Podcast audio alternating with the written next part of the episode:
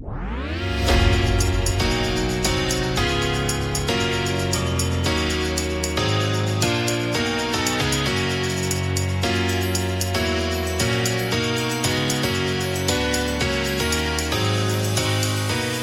är ni välkomna till eh, Handbollspodden med mig Robin Nilsson och Johan Flink som sitter i Helsingborg.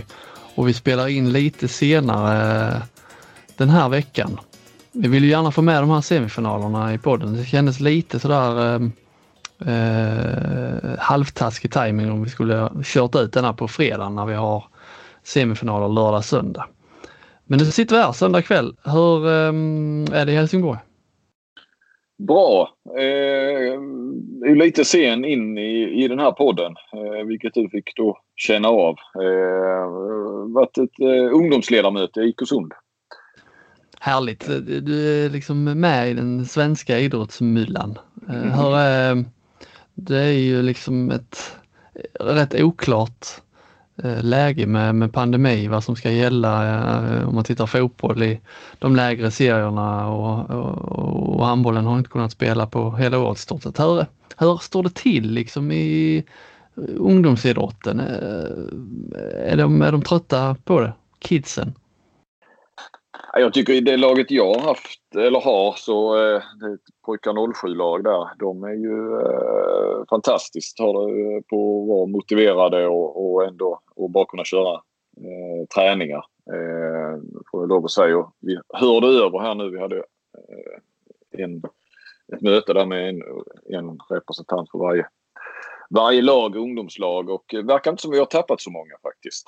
Eh, vilket ju är fantastiskt. Och nu har man ju liksom nästan någonstans klarat av den här säsongen. Eh, serien hade ju tagit slut nu. Visst, det är ju en del kupper nu på våren och, som är inställda. Eh, och sen väntar väl alla på Partille Cup hur det blir och det är väl högst tveksamt i, i sommar. Men eh, så, så, lite grann känns det så att nu, nu har vi klarat den här säsongen och, och kan titta fram mot hösten. För då ska det väl ändå bli både turneringar och, och seriespel och sådär. Så att, eh, ja, det är klart det är överraskande bra tycker jag. Mm, då kommer de vara ruggigt spelsugna när det, sen, när det blir match. Nästan ovant ja. måste det vara.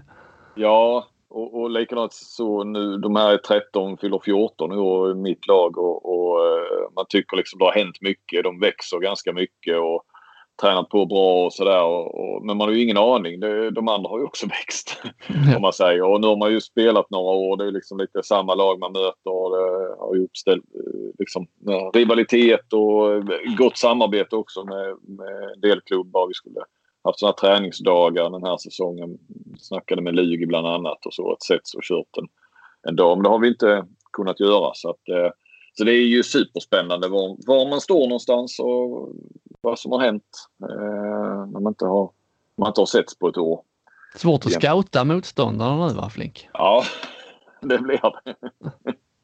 ja, Inga det video eller någonting att gå på från det senaste året? Nej, nej. Nej, det är hopplöst. Eh, så eh, nej, men det har ju varit otroligt tråkigt såklart. Eh, så har man väl nästan vant sig. Eh, vi hann faktiskt spela tre, vi började rätt tidigt, redan slutet av september. Vi skulle spela så många seriematcher. Så vi hann väl med tre eller fyra tror jag. Mm. Eh, men man har ju saknat det här under vintern på... Nu börjar det bli vår och så här va. Nu, nu längtar man ju... Sonen spelar ju fotboll också. Så längtar man efter att, att det ska dra igång. Men alltså har man saknat på vintern det här att åka iväg. Ses på eh, en, en lördag morgon och dra iväg och spela på förmiddag lunchtid där. Ner till, det är ofta ner till Lund och Kävlinge och Löddeköping och, och mm. de och de matcherna när man eh, bor i min del av Skåne, det var de matcherna och resorna man inte såg fram emot. Nej. Eh, det, vi har också lite så Kristianstad, Åhus och, och där och det är ju den här, ja det vet ju ni skåningar, väg 21 här rakt över är inte roligt. Ja. Då är det lite smidigare med E6. Då kommer man långt och på kort tid. Ja.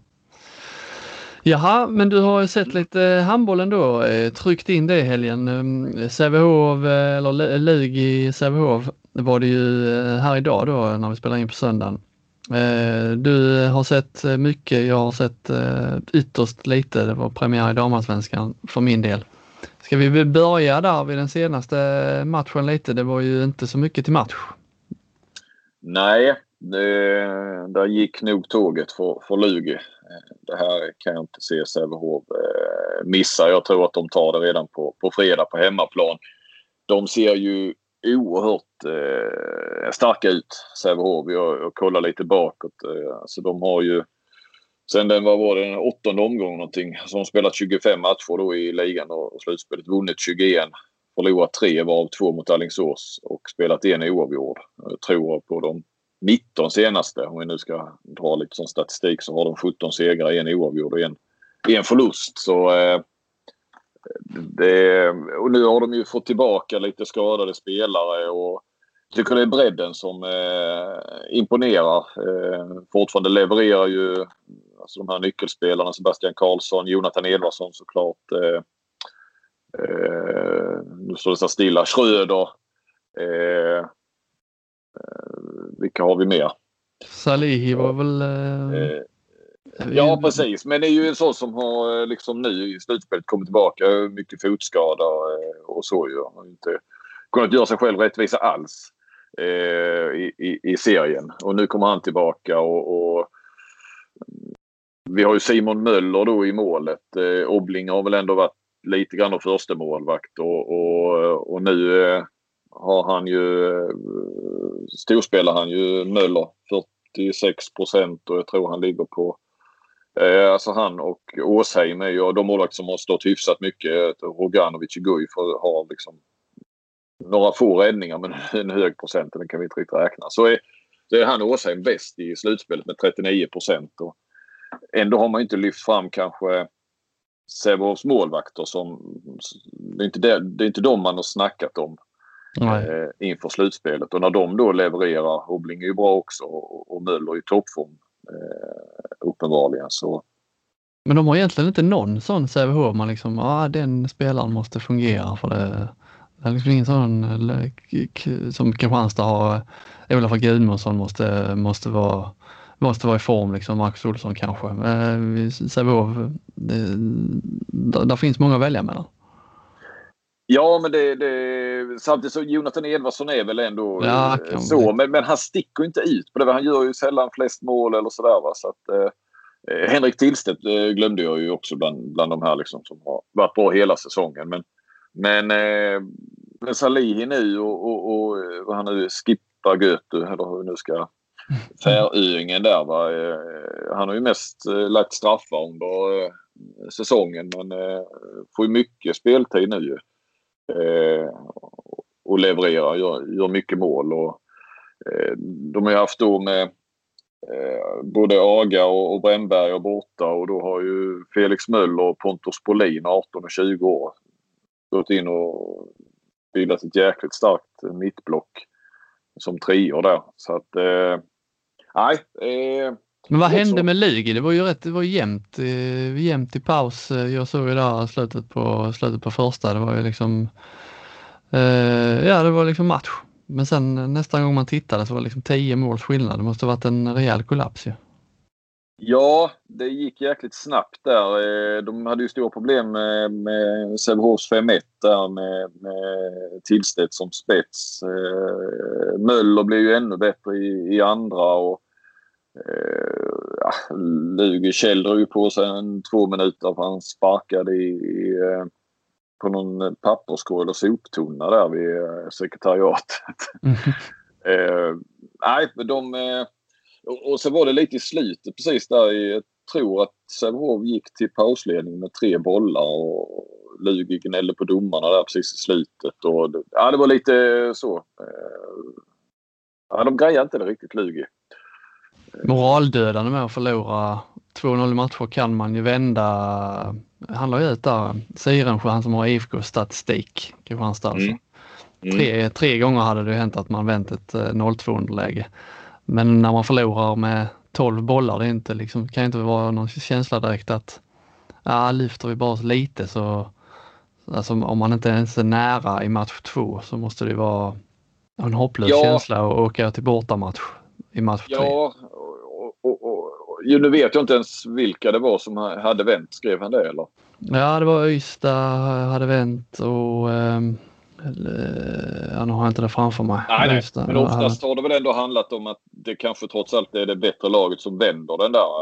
Alltså som, som gör lite två svaga insatser och sen eh, får ihop det och, och lyckas vända. Jag menar, Sävehof gick ju faktiskt in som klar favorit i den här. Lugi är ju liksom lite överraskande vidare till semifinal. Mm. Och slutet Ystad. Så det är ju det är inte mycket som talar för Lugi. Eh, det hade ju varit mer så om Lugi hade fått fullträffar, eh, Sävehof då, spelat dåligt och, och Lugi lett med 2-0. Då hade man mer haft känslan att eh, det här kan Sävehof. Det kommer bli tufft men, men kommer de upp i nivå så, så kan de vinna tre raka. Det, det känns som Ja, men det känns som att Lugi måste få eh, tre fullträffar och, och Sävehof eh, var totalt under isen. Och det, med den bredden de har så har jag svårt att se att det skulle få, för, funkar det inte för, no, för den ena så, så går det, funkar det ju för den andra. Så att, eh. mm. Plus också, vi ska ju också lyfta Mikael eh, Apelgren också. Jag menar, det är ju alldeles uppenbart att han har också lyft det här laget. Alla pratar ju om att de har sitt system och det verkar vara, eh, han verkar ha fått med spelarna på tåget och eh, alla vet vad de ska göra. Otroligt strukturerat både framåt och bakåt och kontringarna däremellan och snabba hemspring och nej, det de, så de straffar ju Lugi också. Vi har ju sett Lugi har ju varit väldigt, väldigt mycket upp och ner mm. i matcherna också. Starka perioder blandade med med, med lite svagare. Men, men eh, vad var det där? Det var någon match som hade 17 tekniska fel och vann ändå väl mot, eh, i kvartsfinalen. Eh, det, ja. det, kan man inte ha mot Sävehof. Sävehof straffar eh, motståndare som gör så mycket fel på ett annat sätt än vad Ystad eh, kunde göra. Så att, eh, ja, eh, det blir nog eh, Sävehof på ena sidan i finalen. Eh, och, det, och där kommer nog favoriter vilka de än ställs mot. Det tycker jag man kan... Eh, alltså allt talar ju egentligen för Sävehof. Eh, det, det, det ja. de har visat och det, det är goet och de har blivit bättre och bättre under säsongen med, med ny tränare och, och mer och mer på plats och fler spelare tillbaka. Och verkar vara ja, många individuellt som är i fin form. Det var faktiskt eh, Sävehof vände mot RIK 2017 0-2 till 3-2. Ystad mot Lugi samma år 0-2 till 3-2 och sen var det då 0-6 där Lugi vände mot Drott.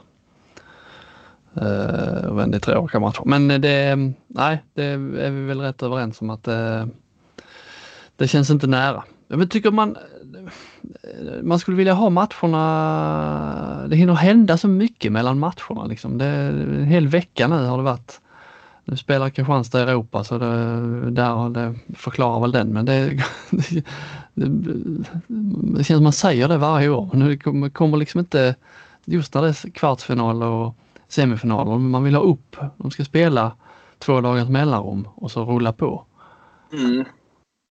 Ja, man ska, ska knappt hinna hämta sig eh, så utan, eh, men nu är det ju lagt så här och det är ju mycket för eh, Kristianstads skull och hade Ystad varit vidare hade det varit för deras skull också. Ja. Eh, och nu kommer det väl ett eh, landslagsuppehåll här sen va? Efter, eh, ja nu är det ju en vecka till till semifinal 3 och sen är det landslagsuppehåll innan ja. Eh, finalserien börjar. Men sen går väl finalserien lite, där går det rätt snabbt. Där... Ja det måste den nu för den, kan, den börjar väl inte från i mitten av maj så att eh, det kan ju bli så nu. De andra kvartsfinalerna ligger, det kan ju bli, vi kommer ju väl snart till eh, Kristianstad-Skövde. Mm. Men det kan ju bli 3-0 i, i, i där så då, och då blir det ju det måste bli ett par tre veckors eh, Ja det blir långt. Final och final. Mm. Eh, ska vi gå in på den då där jag befann mig? Kristianstad-Skövde. 2-0 i matcher till Skövde. Matchboll på, på lördag. Och eh, ja, vad ska man säga om detta? Skövde, jag såg ju Kristianstad mötte i Magdeborg där i, eh, i tisdags.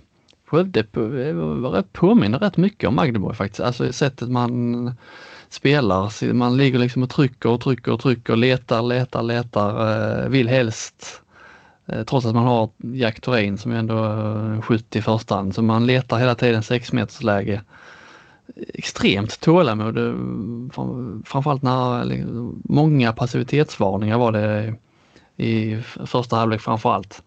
Och man liksom tror då att Kristianstad, ja nu, eh, nu spelar de bra försvarsspel och reder ut det här men då eh, som Hanish sa efter matchen, ja, sex passningar är rätt mycket liksom. Man hinner göra om man spelar smart och har lite intelligens och inte stressar upp sig så, så hinner man göra en hel del med de sex passningarna och det var verkligen liksom, de kom nästan till klarare läge när armen var uppe än eh, i det vanliga spelet. Just för att man liksom får Kristianstads försvar blir lite, jag vet inte om man ska säga stressat, men de får liksom eh, eh, de, de, de går liksom lite högre och, och anar eller tror att det ska bli ett skott hela tiden så att man liksom trycker, trycker upp, trycker upp och är då Skövde smarta, spelar vidare, släpper bollen i rätt läge hela tiden så, så blir ju när läget väl dyker upp så blir det oftast eh, friläge. Mm. Eller jättebra kantläge. Ja, jag är imponerad faktiskt av Skövde. Första semifinalen var ju ett, eh, en rätt miserabel handbollsmatch faktiskt. Mm. Eh, mycket tekniska fel och ja, rätt dåliga. Båda lagen har, säger ju då att det är bra, bra försvarsspel. Det är svårt, det är svårt att, jag har inte det handbollsögat så jag kan se om det är ett bra försvarsspel om det, eller om det är ett dåligt anfallsspel som liksom är grunden till att matcherna ser ut som de gör. Men eh, Eh, den här den andra semifinalen var ju, tyckte jag var en riktigt bra eh, handbollsmatch faktiskt. Där eh, ja, framförallt Skövde ser starka ut. Helt Jepsen försvann ju tidigt eh, en bit in i första halvlek med ljumskskada men det märktes liksom inte trots då att man tycker att Skövde har ju glasklar förstauppställning med Helt Jepsen och Hanisch och, och Jack Thorén som spelar. Så länge de kan och orkar så spelar de hela tiden. Och ändå rätt starkt att inte när Helt Jepsen går sönder att det liksom inte märks tydligare i spelet. Att de rullar på och kör samma grej bara att det kommer in en annan eh, spelare. Eh, ingen riktig liksom, nej, märks inte någon större skillnad. Det är väl bra, eh, det måste vara en tydlig struktur där också. Eh, alla vet vad de ska göra, vad som ska hända. Mm. Alltså, jag tänkte på det du sa med Skövde eller med Sävehof att eh, bredden är liksom deras styrka. Det är nästan så att bredden är Kristianstads svaghet. Mm. Eh, I alla fall i den här, tycker jag blivit tydligare och tydligare ju bättre lag de har mött. Eh, delvis lite mot Malmö så man nu mot Skövde att om man jämför Skövde då som har en tydlig, tydlig uppställning, byter inte runt särskilt mycket egentligen. Eh, Kristianstad i vissa matcher under våren har man ju kanske vunnit på att man har kunnat gå runt och särskilt när man spelar i Europa också. Men just här nu när det är sådana här matcher där det bränner till. Att det liksom finns ingen riktig, man letar och hattar runt och många spelare som spelar liksom på olika positioner. Eh, Marcus Olsson spelar lite vänsternia, sen är han mittnia, sen är han högernia. Så är Soran Bosic kommer in och är både vänsternia och mittnia. och Osvirka lite överallt och Olafur kommer in och eh, där liksom Tater och Hampus Henningsson fungerar inte riktigt på högernia, någon av dem i längre perioder. Och det blir liksom, det blir rätt rörigt.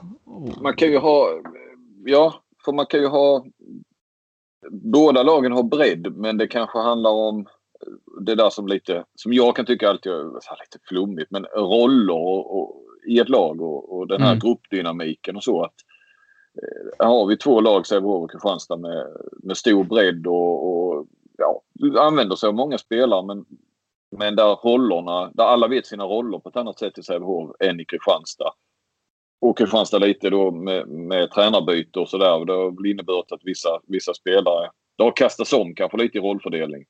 Uffe mm. Larsson har satsat lite mer på, på andra spelare och det har gjort eh, en del spelare kanske osäkra. Var, var, var står jag hos, vilken status har jag hos honom och, och så vidare. Och så ska man in och bevisa sig. Eller ja, jag, det är som sagt, det är inte bara bredd ja, så kan man ha lite så som... Det är nog tydliga roller det handlar om mycket. Mm. Som är nyckeln till framgång. Ja, men just att man inte har... Det är ju lätt, alltså... Skövde kan ju göra några dåliga anfall. Hannis kan slänga bort någon boll här och där, men han vet ju att han kommer att spela eh, så länge han inte faller ihop fullständigt. Mm. Eh, så han kommer fortsätta spela. I Kristianstad blir det ju mer att, säg man har man har ingen riktigt tydlig första uppställning och så har man många spelare som är rätt jämna. Liksom ingen, ingen är bättre än någon annan utan då blir det lätt att man, ja men då byter vi och så testar vi det. Och så funkar, blir det någon dålig passning där. Och så byter vi igen och så det är, liksom aldrig, det är aldrig e- en och samma uppställning som får chansen att komma in i det liksom och veta att man har råd med något misstag här och där utan att man ska bytas ut. Och sen ja, ska man då man måste ha en första uppställning också. Hur, hur ska man ställa upp? Och där, eh, alltså man måste ha en bild i huvudet av att den här första uppställningen vill vi ändå ha för det är de bästa spelarna. Det är de som ska, vi ska luta oss mot när, när det är sådana här tajta matcher. Och eh, skulle, en sån första uppställning ska man ju egentligen kunna ta ut eh, på pappret före match. Mm. Men mm. när man sitter här här och nu och när man tittar efter matcherna, vilken startuppställning hade jag, liksom vilka spelare hade jag valt? Det är rätt svårt att säga. Där finns liksom ingen riktigt tydlig, man vill ju ha Olafur på plan, man vill ha Marcus Olsson på plan. Man vill kanske ha Tator ändå på plan, eh, även om han har, jag kollade det, han har en av de faktiskt sämre skottstatistikerna från 9 meter i hela ligan. Eh, men han är ju eh, ändå liksom viktig att ha i spel. Alltså ha en vänsterhänt på högerna är, är ju ändå, det måste man ju ha. Mm. Ja, alltså vill man ha de tre, men Olaf och Marcus är ju lite samma typer. Eh, har inte funkat jättebra när de har spelat ihop. Och vem ska man då ha i mitten? Så, det, jag tycker det, det handlar om själva, i mina ögon handlar det om själva hur truppen är utformad. Mm. Mm. Det, är, det, det stämmer liksom, den är liksom fel balanserad från början. Mm. Men det är klart, det har inte varit lättare. Alltså av tränarbyte och så vidare. Nej, nu var det ju... Alltså under säsongen har det ju hänt mycket och, och ja, jag vet inte heller om, om sportchef, eh, tränare alltid har varit överens om eh, nyförvärv och, och sådär. Ja, det, det, det kanske du har bättre koll på. De var väl inte helt överens om att släppa Krins till exempel, inte till, till den summan. Nej, där var nog sportchef och tränare ja, var, var nog överens. Men styrelsen och, och resten var väl inte lika överens. Nej. Men nu fick ju eh, Jesper Larsson, sportchefen, det var ju han och Petersen som coachade. Ja. Uh, så då fick de väl, eller Jeppe han har väl varit med delvis innan också men uh, nu var det ju liksom han som var i, skarpt läge där. Så de, eh, han sa ju det själv efteråt med att de eh, ju runt och hamnade lite i, i svårare lägen vad de hade tänkt sig, vad planen var från början. Med, ja, det är anfall och försvarbyte och sånt och det är mycket som ska stämma där och så blir det, eh, får anfallsspelet eller anfallsuppställningarna lida lite för att man måste ha den och den spelaren inne bakåt. Och, ja, jag tycker det generellt sett känns Eh, rörigt. Mm. Men där ser man ju också kanske att, att en, hade det varit en tydlig struktur så hade det kanske inte... Eh, nu såg jag inte matchen men hade kanske, alltså om Jesper Larsson pratade om att det var rörigt och sådär. Hade man en tydlig struktur så hade det kanske inte gjort så stor skillnad på vem, om, att han klev in istället för Uffe Larsson. Nej. Alltså då hade det liksom alla... Då hade det varit ett, ett självspelande piano på något vis. Ja, och med, med, som du säger där med strukturer, då spelar det inte kanske, eller det borde inte märka så stor skillnad vem som är inne. Nu blir det liksom väldigt mycket att man är beroende av eh, eh, enskilda prestationer och då hänger mycket ihop med vem, vem har den dagen och vem kan komma in och, och, och lyfta det hänger mycket på att den och den ska göra sin gubbe eller eh, hoppa upp och skjuta i krysset. Det är inte så mycket, man har inte så mycket till liksom Just att positionerna varierar så mycket så finns det liksom inte så mycket till eh, det här grundtrygga självförtroendet. Det finns liksom inte någonting sånt att, att luta sig mot. Nej. Eh, är det kört då? För Kristianstad? Ja, alltså inte lika kört som det är för Lugi, skulle jag säga. Nej, nej. Nej, jag håller med dig. Det, det, det nej. Det är ju, nu vet man inte hur det blir med Helt Jepsen. Ljumskskada tror jag de sa där efter. Uh, låter lite så halv, halvlurigt. Det är klart att det är ju en försvagning om han inte kan vara med men han var inte med stora delar av denna matchen och det gick ju, gick ju rätt bra ändå. Mm. Ja, jag tror att det blir ju Ja, jag har svårt att säga att de ska vinna tre raka. De kan eh, möjligtvis att de kan vinna, vinna där uppe och liksom nu vet de att det är eh, sista chansen all in annars är säsongen över. Då brukar man kunna se att det plockas fram någon liten procent eh, e-, extra. Men eh, ja, på sikt, alltså tre, de ska vinna tre raka matcher mot ett Skövde som ser eh, urstabilt ut. Det, det är inte direkt känslan att eh, som du sa innan med de vändningarna man har sett har det varit ändå varit liksom favoriten eller det bästa laget som har som har eh, spelat upp sig och, och, och, lyckats vända. Det känns inte som att eh, det här ligger inte bara i Kristianstads händer utan det räcker liksom inte att Kristianstad är bra. Skövde måste, måste också liksom gå ner sig. Mm, mm. I tre matcher dessutom. Ja precis. Och då eh, så det lutar åt Sävehof Skövde i, i final. Ja, det gör det ju. Jag vet inte vad man ska benämna. Kommer du ihåg vilka ju... som tippade det inför slutspelet? Var det du det? Ja. ja Vill jag ja. minnas. Mm, då fick jag det sagt. Det är ingen som kan kontrollera den här. Jo, det kan man faktiskt. Nej, men inte här utan eh, jag hade sånt här tips. Eh, ah, tippade ja, hela slutspelet. Får gå tillbaka. Ja, så det kan man faktiskt gå tillbaka till. Ja, vi hade Måste ju lite... du vara rätt på? Ja. Måste jag nu sagt rätt? Ja, jag tror det. Ja, förlåt. Nej, vi snackade ju om Ystad där, ehm, om det var ett fiasko eller ett misslyckande. Vi hade en liten diskussion eh, på Twitter där. Eh, lite, jag tycker det är svårt att sätta något, eh, egentligen eh, tycker jag, eh, alla de här man ska sätta etiketter på allt, men det ska man ju. Jag tycker det är rätt svårt med Kristianstad också. Eh, med säsongen som har varit så är det svårt att säga att det är ett fiasko men samtidigt är det de själva som har satt sig i, i, den här situationen. Så jag var inne lite och skrev en krönika därefter. Jag tycker det är, eh, om, om det är fiasko på något sätt så är det ett, ett fiasko för föreningen. För, eh, mer än för själva liksom, det här A-laget som har spelat eh, under våren. Mm. Det har ju trots allt liksom sett bättre, bättre och bättre ut om man tittar liksom från januari och, och, där man är idag, även om det kanske inte kommer räcka mot, mot Skövde. Eh, men det är ju liksom... Eh, Nej, om man åker ut i så fall mot en, mot en starkare motståndare. Ja, så som det har... I, i, i semifinal som, som det ser ut nu.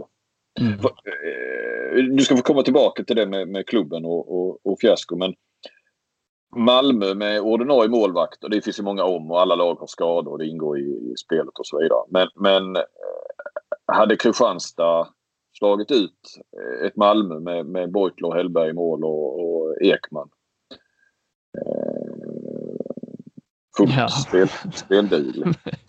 ja, det är en bra fråga. Ja, nej, men det såg ju ganska övertygande ut eh, så ju. Och man kände liksom att Kristianstad var på gång och sådär. Men man ska inte glömma vad, vad Malmö tvingades än en gång. All, all, liksom, åt, åt Jakobsson och vad heter han, junioren och så ju. Men, men mm. det, det, det, var inte många räddningar till exempel och det är ju trots allt oerhört viktigt i handboll. Mm. Eh, så, så eh, vi, kanske, vi kanske blir lite lurade där med tanke på hur försvagade Malmö var. Och inte glömma Ekman heller. Viktig. Nej precis, det är, men det är, det är omöjligt att Alltså då, ja, alltså match, matchbilderna hade blivit helt annorlunda. Det, de hade säkert kunnat slå ut Malmö ändå men ja. Helt oh ja, det hade de ju. Helt, men det hade helt... inte varit... Eh, ja, ja, det är omöjligt att säga men, men eh, ja, det känns inte så, så just nu så säkert att de hade gjort det. Nej. Såklart. Vad var du inne på? Eh, mer fiasko för klubben? Ja, ja nej, men det, det är ju liksom Kristianstad har ju ändå eh, eh, skaffat sig och fått, de har liksom en självbild att det ska vara final varje år och, och så här. Och nu, nu, om vi då utgår från att de åker ut så har man liksom inte varit i final. 21 blir de inte i final, 20 blir det inget slutspel, 19 de åkte de ut, 2018 liksom med Ola Lindgren. Det, det är tre långa år utan eh, liksom den här givna positionen där man alltid har tippats vara ett finallag och ett godlag. Det, den, den positionen har man eh, den tycker jag man har tappat ganska rejält. Om man, liksom, om tittar man, blickar man framåt, så visst nu har de tagit in Jonas Wille som eh, mycket talar väl för att det, det är rätt så bra. Liksom, en bra tränarvärvning tycker jag att det är men med laget så är det inte direkt så att eh, när man tittar på spelarna i de andra topplagen och i Kristianstad att Kristianstad skulle sticka ut på något sätt. Nej, nu tog de in en eh, norrman här va? Eh, Ja. Alltså Nyfjälls ersättare på, på linjen. Ja precis, ja. Besard Hakai. Inget eh, namn som man eh, känner till sådär. Har du hört? Jag hade aldrig hört talas om dem. Nej, nej, nej, nej inte jag heller. Eh, men vad är det mer för spelare in då? Ja, det är ju Anton Hallbäck. Ja. Så det är inte så att det är liksom... Nej, ingen skugga över dem. Men det är ju inte så heller att man kan säga att, eh, alltså nu förutsätter kanske om en månad har Kristianstad vunnit guld. Eller om drygt en månad. Eh, det tror vi inte. Men, men eh, det är ju inte så heller att det känns som, eh, eh vad ska man säga, ja. Eh, ännu en förlorad men... säsong och, och, nästa år kommer de att komma liksom med full kraft och eh, kliva fram som, som stora favoriter. Det, andra klubbar rustar nog så bra.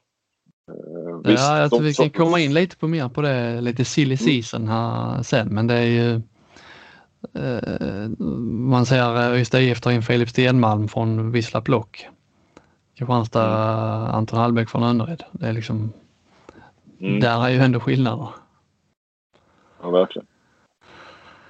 Uh, ja, lördag vet vi, då ska jag upp till Arena Skövde faktiskt. Det var länge sedan man var där.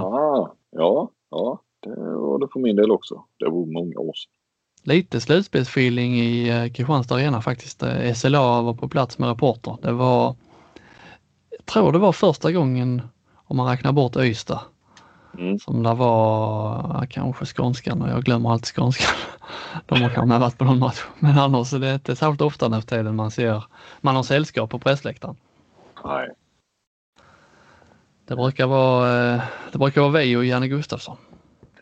Hur är pressfikat nu för tiden i Kristianstad? Det berömda. Är det samma klass fortfarande? Nej. Nej, där är kokt korv och lite godis och så. Det är, det, är det. Mm. Eh, tack. Som, som Kristianstadsbladet och, och Gustafsson får njuta av. Ja. Vi har ju, men på Europamatcherna där, European League, där är ju inga, där får man inte ha pressfika, får man inte ens ha vatten. Så att där är det totalt tomt. Vi har ju, de har ju Magdeborg borta också nu kan man säga i, imorgon när ni lyssnar på detta. De måste vinna med sju mål för att ta sig vidare. Eh, jag frågade Marcus Olsson eh, vad, som var, vad, vad han trodde skulle bli svårast, vända mot Magdeborg eller vända mot Skövde. Mm. Eh, det var ju ändå... Bra eh, fråga. Ja, han trodde det var svårare med Magdeborg. Ja. Vinna, vinna med sju där nere i Tyskland. Ja, nej, det, det är ju rätt såklart. Så måste det vara. Han är rätt bra att prata med Olsson. Han kändes liksom, eh, jag såg sen sändningen att eh, Adam Nyfjäll också hade eh, sa samma sak att det kom in lite på det här med Uffe, att vad det betyder att han var, det har vi inte sagt kanske, men han var testad positivt för covid-19 om det var så alla vet det. Men då frågade de Nyfjäll hur det hade påverkat och så.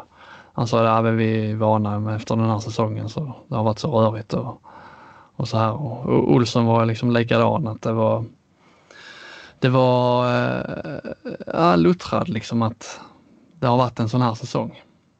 Det kändes som att äh, ja, liksom både vid sidan av planen har det varit rörigt med, med sparkade tränare och liksom på planen också. Man, äh, han var inne på det, man vet aldrig liksom vilken nivå man kommer hålla förrän det har gått några minuter i matchen. Då får man reda på, ja är det en sån dag idag? Ja, då, så det, det är vittnesmål liksom som lite bekräftar bilden man har att det finns liksom inte något, någon riktig trygghet att luta sig mot. Ett par liksom, hamnar man i underläge så, så äh, går liksom bandet mm. snabbare än äh, vad det gör för vad det hade gjort för Skövde till exempel.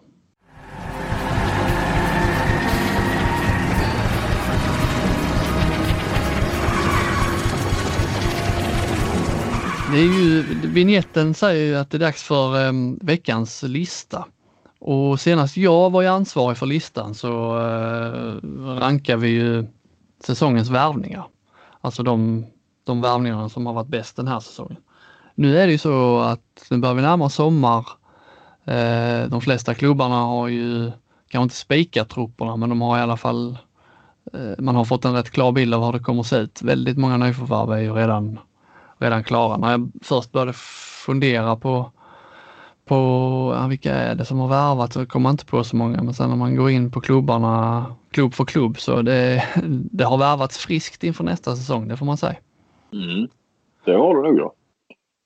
Eh, så vi hade ju, om vi bara tar, du var inne på Kristianstad där med, eh, de, med Hallbäck och Besalakai och ja, Jonas Wille får väl räknas som ett nyförvärv också, tränaren där. Eh, internationellt. Isak Persson var ju bara några dagar sedan han eh, kopplade samman, eh, gjorde han väl, det var väl mer än så. Det kom väl uppgifter om att han skulle vara klar från och med 2022 va? Efter, mm. efter nästa säsong. Eh, många sådana liksom Vesprem-värvar från eh, svenska ligan och Vardar var intresserade av eh, Guif-duon där. Det, det, är inte så ofta, just det brukar liksom vara Tyskland och Danmark. Det är inte så ofta man har ungerska lag eller eh, Makedoniens topplag eh, hittar här. Jag vet inte om det är för att de är att de liksom lite ekonomiskt försvagade och tittar från andra hyllor eller om eh, är vi, har, har Sverige så bra talanger nu för tiden? Ja men alltså jag, jag, tror det är en kombination men vi ska nog inte förringa svenska VM-framgången. Eh, starkt OS-kval. Att landslaget är på gång med många nya ansikten och man börjar titta. Och Solberg har ju hela tiden hävdat det här att Sverige har väldigt många duktiga handbollsspelare och att där är den här eh, talang, jättetalangfulla generationen födda 2000 ju som... Eh, vad tog de? tog väl EM-guld va? Mm. För ett par år sedan. Precis ja. Eh, hur var det nu? Var det inte där Isak Persson var rätt bra va? Jag blir lite... Ja, Krins var väl där och... Ja, den. precis. Eh, det är väl, har inte Persson gjort något bra mästerskap eller han fick vara där bakom bara? Ah, jag kanske blandar ihop. Jag ska låta det vara osagt. Eh, men jag vet att redan då snackas det om, ja visst Walter Krins var den alla pratade om, men att Isak Persson, jag tror han gjorde ett jäkligt bra mästerskap där. Nej, jag är inte säker. Ja.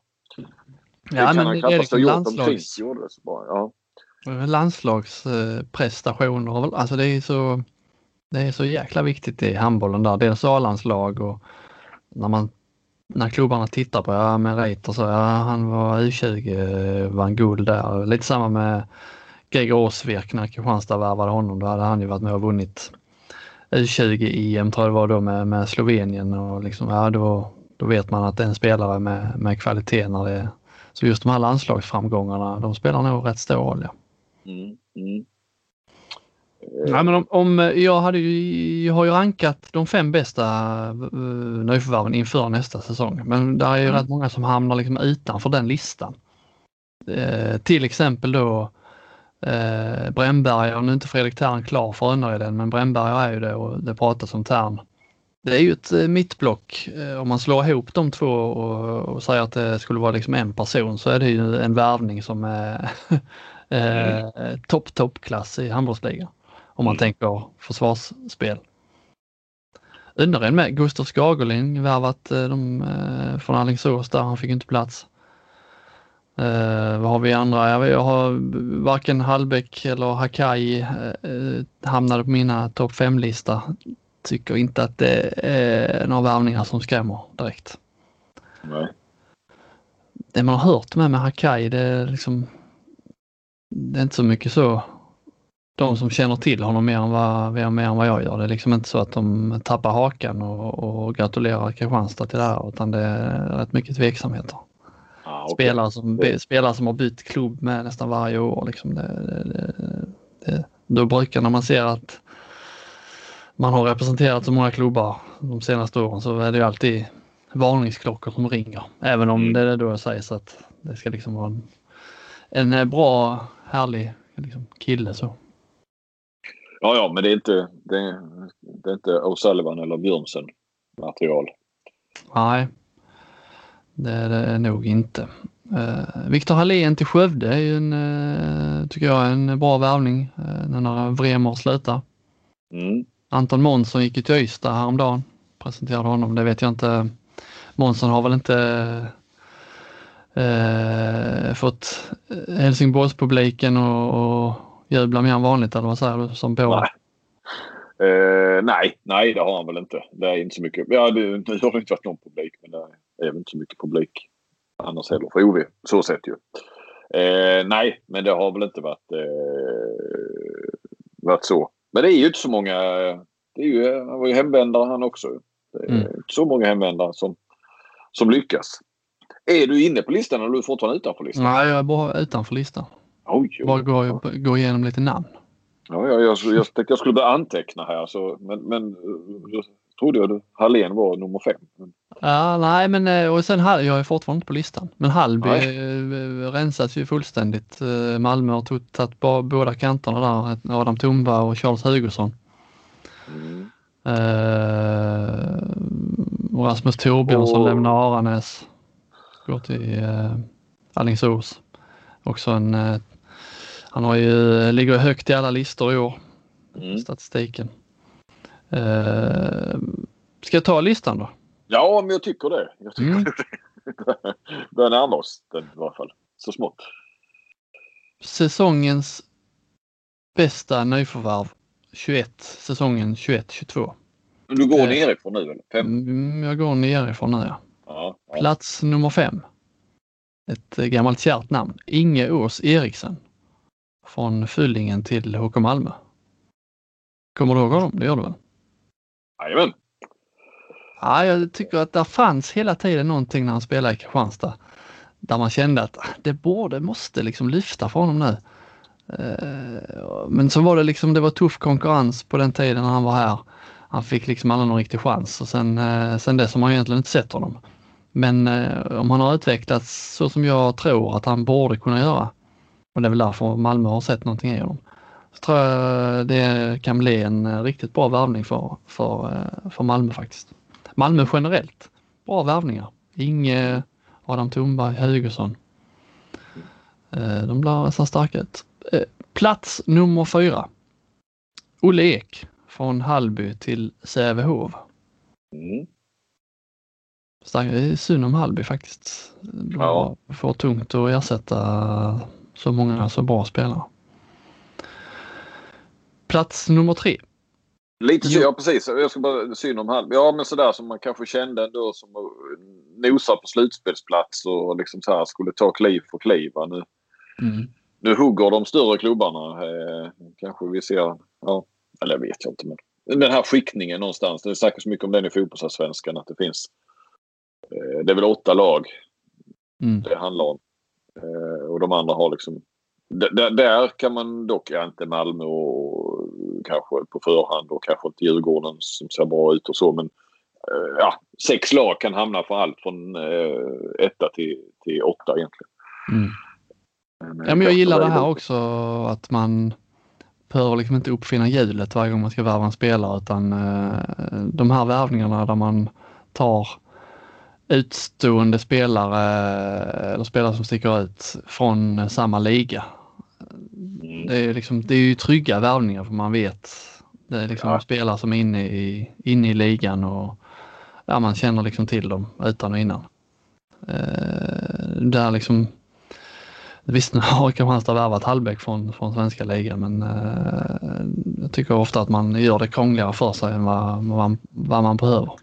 Mm. Mm. Eh, vad var vi? Trea va? Vi är på trean, kommer nu. Ja. Jonathan Stenbäcken, Skjern till Sävehof. Mm. Sävehof har två värvningar på topp 5-listan både Olle Ek och, Stenbäcken.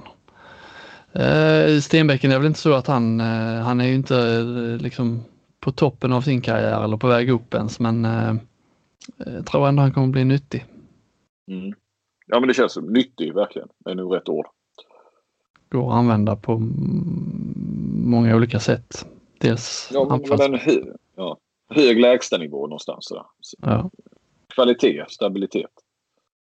Sen har jag tvåa här som jag, jag hade lite bekymmer men jag landar ändå att eh, Rickard Frisk tillbaka till Alingsås från Holstebro.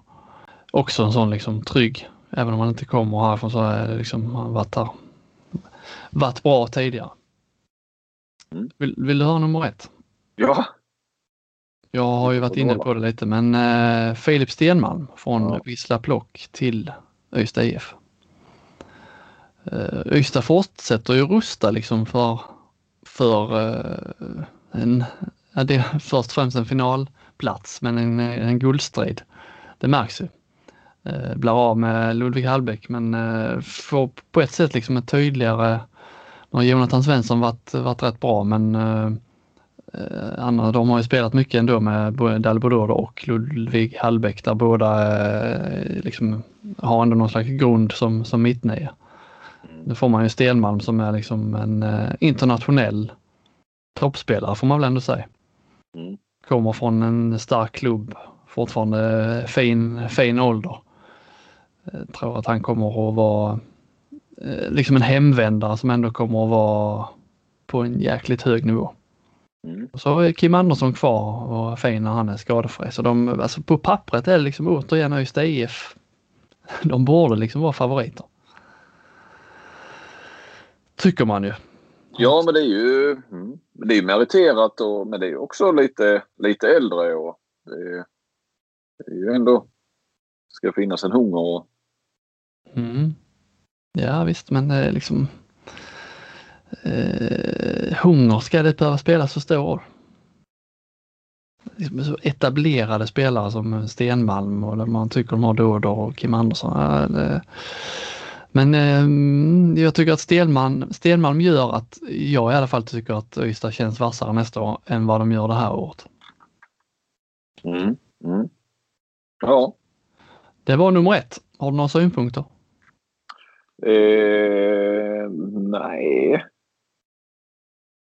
Någon du saknar så på rak arm som du som vi inte har nämnt? Nej, inte. nej, inte som inte du. Du drog ju tio namn innan du drog listan. så att det är svårt att hitta någon som inte har nämnt. Eh, nej, men jag har väl inga... Nej. Eh, nej, lite kan, möjligtvis att Stenbecker skulle kunna varit lite högre. Men vad fan, jag har ju inte sett honom spela mycket nu. Så, eh, eller alls. Jag har inte sett honom spela alls i Danmark. Nej. Vi kan ju när vi ändå är inne lite på, eh, på Ystad IF så eh, förlorar de ju där första, sin första semifinal i, den heter ju numera EOF European Cup. Gamla EOF-cupen kan man säga. De var ju på Cypern. Ja, men det är väl nästan ett steg lägre, Robin. Är inte European League eh, mer EOF? Eller gamla Challenge Cup menar jag. Gamla Challenge Ja, jag menar det. Ja, Mm. ja. förlåt. Eh, mot de här Anorthosis Famagusta. Förlorade med två bollar där nere läste man eh, Oskar Karlén sa där till Ystad Allehanda efter matchen så var det tydligen smickrande siffror med förlora med 26-24. Mm. Tycker man ju är märkligt va? Cypriotiskt lag, ja. Ja. Att om man ska behöva förlora mot dem. Men nu finns det ju liksom två mål på bortaplan. Det är klart det eh, går ju att vända liksom. Men just när man inte, nu har man inget slutspel så kvar, det borde liksom vara full, borde inte vara några problem ändå, tycker jag då, och hitta motivationen till det och ändå, man borde verkligen vinna, vilja spela hem den här cupen och eh, ta lite viktiga rankingpoäng till till Sverige, ja. Det är framförallt det. Det borde ju det borde kunna motivera vilken spelare som helst. Ja, precis. Men det Tänk dig Kim Andersson, han, bara, han ligger och laddar inför matchen. Nej, det här är ingenting mot när vi var i final med, med Cale. För nu handlar det faktiskt om att samla poäng till svensk handboll. Ja, det borde vara liksom ärofullt uppdrag. Nu är det inte sådär värst mycket rankingpoäng just i Challenge Cup, men eh, Nej, precis. Det marginella. Ja. Men äh, ja, Ja, jag gillar din, äh, din kampanj. ja, vi får ju liksom vi snackade om det lite innan i podden. Man får liksom ta varje chans nu. eh, Man har följt ikväll här diskussionerna i fotbollen där om eh, utbrytningen som är på gång där. Topplagen i England, Italien och Spanien ska, ska bryta sig ur och eh, Champions League då framförallt och skapa en egen eh, Super League. Och det var väl en nyhet som, som eh, kom loss här i England i förmiddags så har ju verkligen rört upp känslor under dagen. De skulle presentera den här lösningen då, de här toppklubbarna eh, under kvällen men eh, än så länge har det inte dykt upp något när vi spelar in det här. Det skulle ju vara någon slags superliga då där man eh, i princip köper sin plats. Ja, och ställer sig utanför är väl Uefas system va? Ja, hela, hela, den, hela den biten. Nu förstår ja. det som att de, i alla fall de engelska klubbarna skulle behöva liksom Premier Leagues godkännande för att, för att det skulle gå. Det lär de ju inte få. Så eh, det är liksom svårt att se om man kan, skulle kunna presentera en lösning när man vet att man inte kommer få godkännande från Premier League. Men, ja, jag har svårt att hänga med riktigt i hur de tänker de här eh, pamparna. Men det är ju samma liksom i handbollen har det varit. Nu är det, det är ju liksom Champions League som är nu, det är ju det är inte helt stängt men det, har ju, det liksom blir ju svårare och svårare för varje gång de gör en förändring i upplägget. Sverige har ju ingen, eh, innan hade ju eh, SM-vinnaren hade ju alltid en, en, en plats. Även om det inte var nödvändigtvis var i de toppgrupperna så fanns det liksom ändå en möjlighet, en plats i Champions League och en möjlighet att kunna avancera. Nu har inte Sverige någon plats, inte för att man har sjunkit på rankinglistorna utan för att de har IHF har höjt, höjt kraven liksom och då får man söka de här wildcarden istället som ju är eh, minst sagt luddigt utformade vad som krävs där. Och det, det blir liksom den här pyramiden med att man alla lag ska kunna ha drömmar om att kunna möta Kiel i, Champions League. Den, den möjligheten blir liksom bara mindre och mindre i, i handbollen också. Ja, och det är ju... De möts ju. Det blir så otroligt många... Jag menar hur många gånger, nu kanske jag säger fel, nu kanske de har råkat lottas i, i olika grupper och sådär men vad ska jag säga? Flensburg, Picksheged, alltså hur många gånger har de mötts? Nej, det blir ju. De jag fattar liksom inte. Eh, och det är dit fotbollen vill med med de här. Då är de väl en 12, 12 eh, lag eller vad det är. Och så ska de då mötas så det blir liksom de här matcherna, det, till sist så tröttnar man ju. Det betyder liksom ingenting när, när samma lag möts hela tiden. Och så är det ju i Champions League och det är liksom klubbarna någonstans själva som har jag fattar liksom inte varför de vill ha det så på det viset. Det har ju pratats om innan de gjorde om Champions League så var det också snack om sådana här liknande lösningar eh, som, som fotbollen har med någon superliga där det, där det liksom ska vara samma lag. Det var främst eh, de här Balkan, eh, Vardar och Vesprem och det gänget som, som ville ha, eller de lagen Barcelona där, där mm. ligorna inte är lika starka liksom, att de ville ha. Men i längden har jag liksom svårt att se att det skulle gynna Nej, det är klart att det inte gynnar handbollen i stort. Liksom. De här matcherna bara blir mer och mer devalverade för, för, varje, för varje år.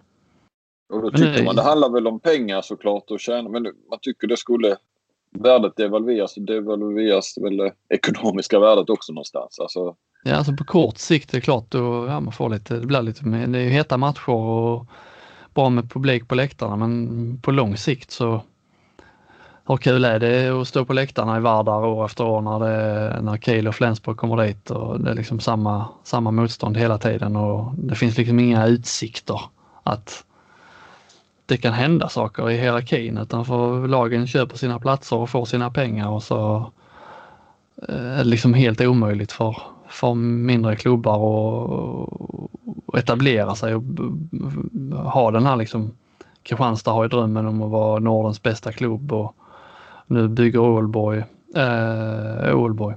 Mm. Bygger ju enormt med, med sin satsning. Äh, liksom just det här, då blir det alltid samma klubbar hela tiden. Ja, jag... ja, och alla gruppmatcher. Alltså det är ju egentligen så. Det är ju fotbollen också. Alltså det är ju först i kvartsfinalen som det känns som... Eller ja, såklart åttondelsfinaler betyder ju också någonting. Men alltså gruppmatcherna betyder nästan ingenting. Eh, inte för de fem bästa för de vet att de, de fixar den här slutspelsplatsen ändå. Och sen åttondelsfinalerna, ja nu blev det ju så, nu gick ju alla vidare så det blir väldigt... Eh, så var det va? Alla går vidare. Eh, ja precis och jag tänkte sextondel, åttondel men, men ja precis. Och, ja så var det ju för det var ju inga som gick direkt så nej utan det var åttondelsfinaler på. Mm. på alla. Och, eh, och de var ju, ju nästan allihop. Det var både Ålborg, eh, Porto va? Kanske någon till som var hyfsat jämn. Men de var Mm. ju liksom på pappret nästan ointressanta också. Så nu, nu händer det ju lite grejer här ju. Eh, I kvartsfinalerna. Det är ju liksom nästan höjdpunkten på något vis. Ja, för sen är det Och ju sen slut. Sen är det Final Four. Direkt. Ja. Ja, ja. När man får de här dubbelmötena, eh, förhoppningsvis jämna och eh, bortamål kan avgöra och, Mm. och sådär. Eh, du var inne på Ålborg ja. Eh, det senaste nu var väl eh, Aron Palmarsson. Ja, jag, Ah, var redan ju- Mikkel Hansen klar. Det, Ja, han kommer väl inte från eh, då. När Isak Persson ska till Veszprem så ska han sen till Ålborg. Eh, och Palmarsson skulle väl komma redan nu men ja, jag skulle, ja det är just, just det. Det skrev boysen där ja, på Twitter. Det var kontraktet går ut redan nu. Ja. mm. Men man det- ser ju framför sig en härlig niometersuppställning då med Hansen, Palmarsson och Sandell. Ja, precis. och sen har du ju gammal Kristianstadbekanting på högerkanten med Björn Björnsson. Ja, just det, precis. Ja. Och sen är det väl mer eller mindre klart med att Tolbring ska till GOG. Det har väl varit, ja, det har väl Mm. varit mer eller mindre klart länge, men det, det blir väl, eh, man har läst ännu mer om det nu de senaste dagarna, så det kanske blir helt officiellt då eh, Mm. inom kort. Och så har du Jesper Nilsson till Ålborg också då ju. Mm. Eh, Men Felix Klar där ja. ja hur, hur resonerar han då med... Ja i och för sig det är ju en säsong till innan, eh, innan Mikkel Hansen kommer. Men det blir ju konkurrens från Palmarsson också. Ja, de, eh, Men Klar har gjort det jävligt bra. Det har vi ju sett nu. Jag har sett dem lite grann i Champions League. mm. Sandell också. Eh, också gjort. Det var ju någon match som svenskarna hade lite tyngre. Men, men eh, nej. Men det känns som Kristianstad. Ja, det, det- fan, för några år sedan så kändes det inte det där att man skulle bli Nordens... Jag vet inte om det var häftigaste så också. Kändes inte så långt ifrån ändå. Det kändes... Nej, det var ingen utopi. Eh, nu känns det jäkligt långt ifrån. Jag menar, det var väl Elverum också. Ja, de är ju inte ens bäst i Sverige. Eh, såklart. nej, man får börja, där. ja. Men eh, Elverum är väl före då om vi säger Sävehof någonstans är väl kanske bäst just nu och har varit så de, de senaste åren. De, de senaste svenska mästarna också ju. Mm. Sävehof. Sen har de ju gått starkt i Europa, Kristianstad. Det får man ändå säga att de har Ja. eh, tagit sig så här långt och de har ju Ja. eh, liksom ändå blivit, man får passa sig där för nu har man ändå tagit sig till en position där eh, ändå liksom är en respekterad eh, klubb så. Och hade man, hade Kristianstad vunnit eh, i år eller i fjol och sökt det här wildcardet till Champions League så eh, är det väl de nu för tiden som av de svenska klubbarna som skulle ha störst chans att få, eh, få den platsen. Delvis, eh, visst de tar ju in liksom eh, de här wildcarden så räknas ju arena och publik och så också. Men också just tack vare att de liksom har presterat i Europa och sånt har ju också rätt stor betydelse. Vad liksom, eh, när pamparna sitter och har sina möten och så tittar de lite tidigare resultat så då är det ju lättare om man ser att Kristianstad går till eh, kvartsfinal i European League än, än om Skövde skulle vinna som inte har eh, spelat i Europa överhuvudtaget och inte har någonting att luta sig mot där. Där är inte rankingpoängen så viktiga när pamparna sammanträder. Nej, inte när det Inte i Champions gäller, League. inte wildcarden i alla fall. Nej, nej, nej. Eh, Men de är viktiga. Det, ska vi inte gå ifrån. Tar man tillräckligt många rankingpoäng så, så kan ju Sverige faktiskt få en eh, friplats i Champions League. Mm. Men då krävs det ju bra Europaresultat många år i rad. Mm. Så vi, vi är ju inte riktigt nära där än. Nej.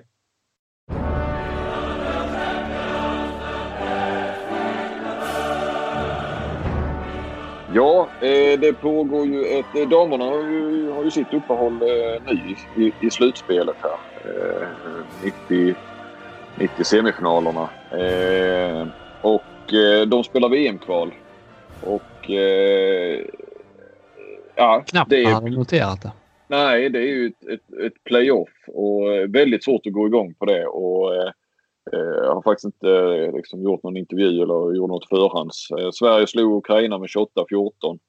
i första och det är alltså dubbelmöte och de kommer ju klara det. Eh, anledningen till att... Eh, nej men det, det är, nu är det ju väldigt mycket kval för det är ju lite både herrar och damer det är uppskjutet på grund av pandemin och så vidare. Men alltså de här kvalen i handboll, Sverige har ju hamnat någonstans där där man man vinner inte mästerskap som man är direktkvalificerad utan man måste kvala. Men, men man är alltid ohotad i de här kvalen. Jag kollar lite snabbt innan vi drar igång här så sen, sen 2007 då både herrarna och damerna missade VM så har herrarna och damerna bara missat ett VM eller EM eh, var och det var VM 2013 som de bommade båda två. Eh, ni minns säkert, det var ju strax före OS 2012 då Sverige förlorade mot Montenegro i ett sånt här playoff. Och eh, damerna förlorade ju mot eh, Polen. Eh, Sverige, herrarna var ju ett riktigt eh, fiasko. Eh, får man väl lov att säga, Montenegro. Eh, damerna eh, hade lite otur i sin lottning. Eh, Polen var på gång där eh, och var rätt bra där några år. Eh, men, men det är ju eh, Alltså sen dess, jag kan inte påminna att det har varit, eh, även om det varit playoff så har det ju och, och hur mycket en förbundskapten har snackat upp eh, att det inte finns några blåbär och så vidare. Och de ska alltid till Östeuropa. Mm. Eh, och det är ofta Slovakien eller nu Ukraina och... Eh, jag vet inte. Man går inte igång och man vet att de kommer att klara det. EM går ju knappt att missa nu eller. Det är ju, Sverige brukar väl vinna gruppen och, och det räcker ju att vara tvåa. Och brukar nästan ha klarat av det också eh, innan, eh, om man tänker på här sidan i varje fall. Innan där som man kan ge ledigt, proffsen ledigt då i, i juni och så spelar man med något B-landslag. Mm. Eh, Ja, jag vet inte. Det, det, är ju jättetryggt och skönt att, att Sverige alltid tar sig till, till mästerskapen. Och det är ju så mycket mästerskap så man ska inte liksom kanske skrika efter att vi behöver ha fler spännande kvalmatcher egentligen. Eh, det, det, som sagt, det är ju varje år så en gång varje år så minst. I OS är det ju två gånger dessutom. Så, så, så smäller det ju till och, och det blir bra drag kring, kring våra landslag. Men äh, kvalen är ju eh, inte jättekittlande. Nej. Nej, man, det är nästan som man bara... Vann med, Sverige vann med 28-14 första matchen mot uh, Ukraina och nu spelar de igen. Nu har det passerat midnatt här. 21, vad är det vi då? På onsdag? Ja, precis. Eh, jag tänkte bara på det eh, också. Eh, för jag tror inte vi har poddat sen eh, Solberg tog ut sin trupp till, ska vi se, det måste vara EM-kval va? De sista. De ska, de ska ju bränna av. Alltså de har tre matcher på en vecka där. Alltså de åker väl direkt. Och det är två bortamatcher tror jag. Jag tror att Sverige behöver ta... Jag tror det räcker med en poäng. Ja, jag vet inte, det kanske gäller att ta den i den rätta matchen. Men det är ju så de kan inte missa detta. Och det är rätt svaga lag. Eh, vad är det, Rumänien? Montenegro och Kosovo. Ja. Eh, det är väl Montenegro då som sådär. Men, men eh, Sverige ska ju slå både Kosovo och Rumänien med rena, rena B-landslag vilket hade räckt nog för till och med att vinna gruppen då. Och, och, och, det har varit tuff belastning med långt VM och OS-kval och sådär. Och ändå så är det ju precis samma spelare eh, som spelade i OS-kvalet och alla de här spelarna var också med i VM även om, om Lagergren kom in lite senare. Mm. Eh, jag menar bara att det är ju där vi hittar OS-spelarna. Nu är det ju inget snack. Alltså, hade det varit någon, någon av de, de här petade då eller eh, som tackade nej eller vad de nu gjorde, rutinerade som, som skulle vara med i diskussionen. Då hade han väl varit med nu.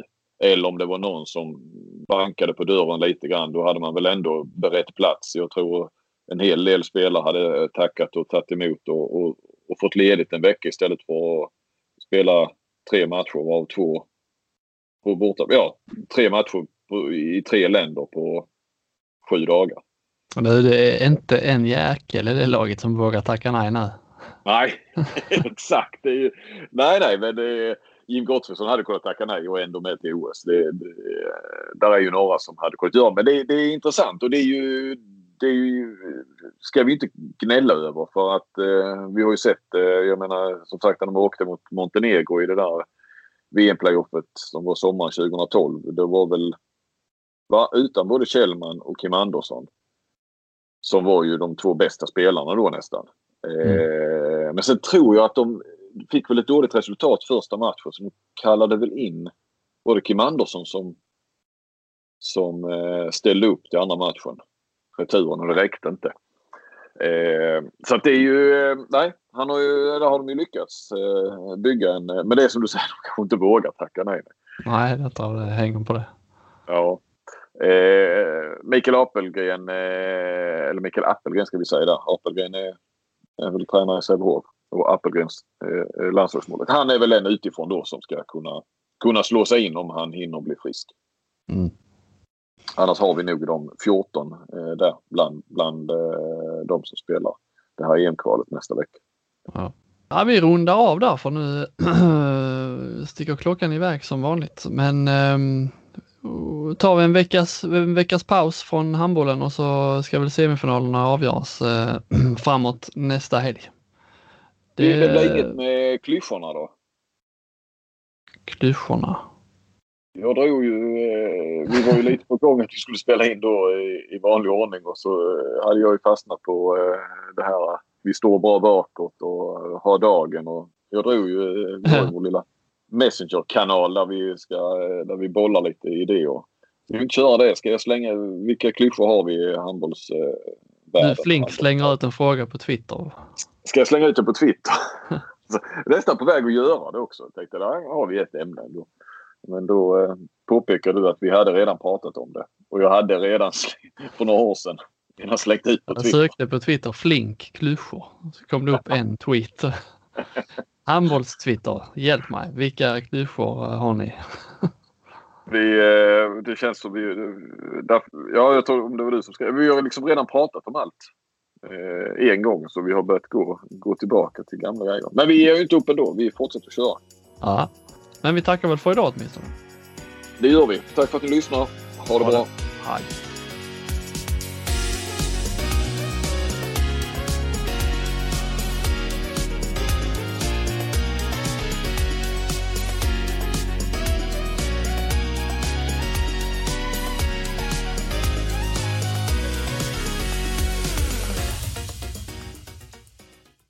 Du har lyssnat på en podcast från Aftonbladet.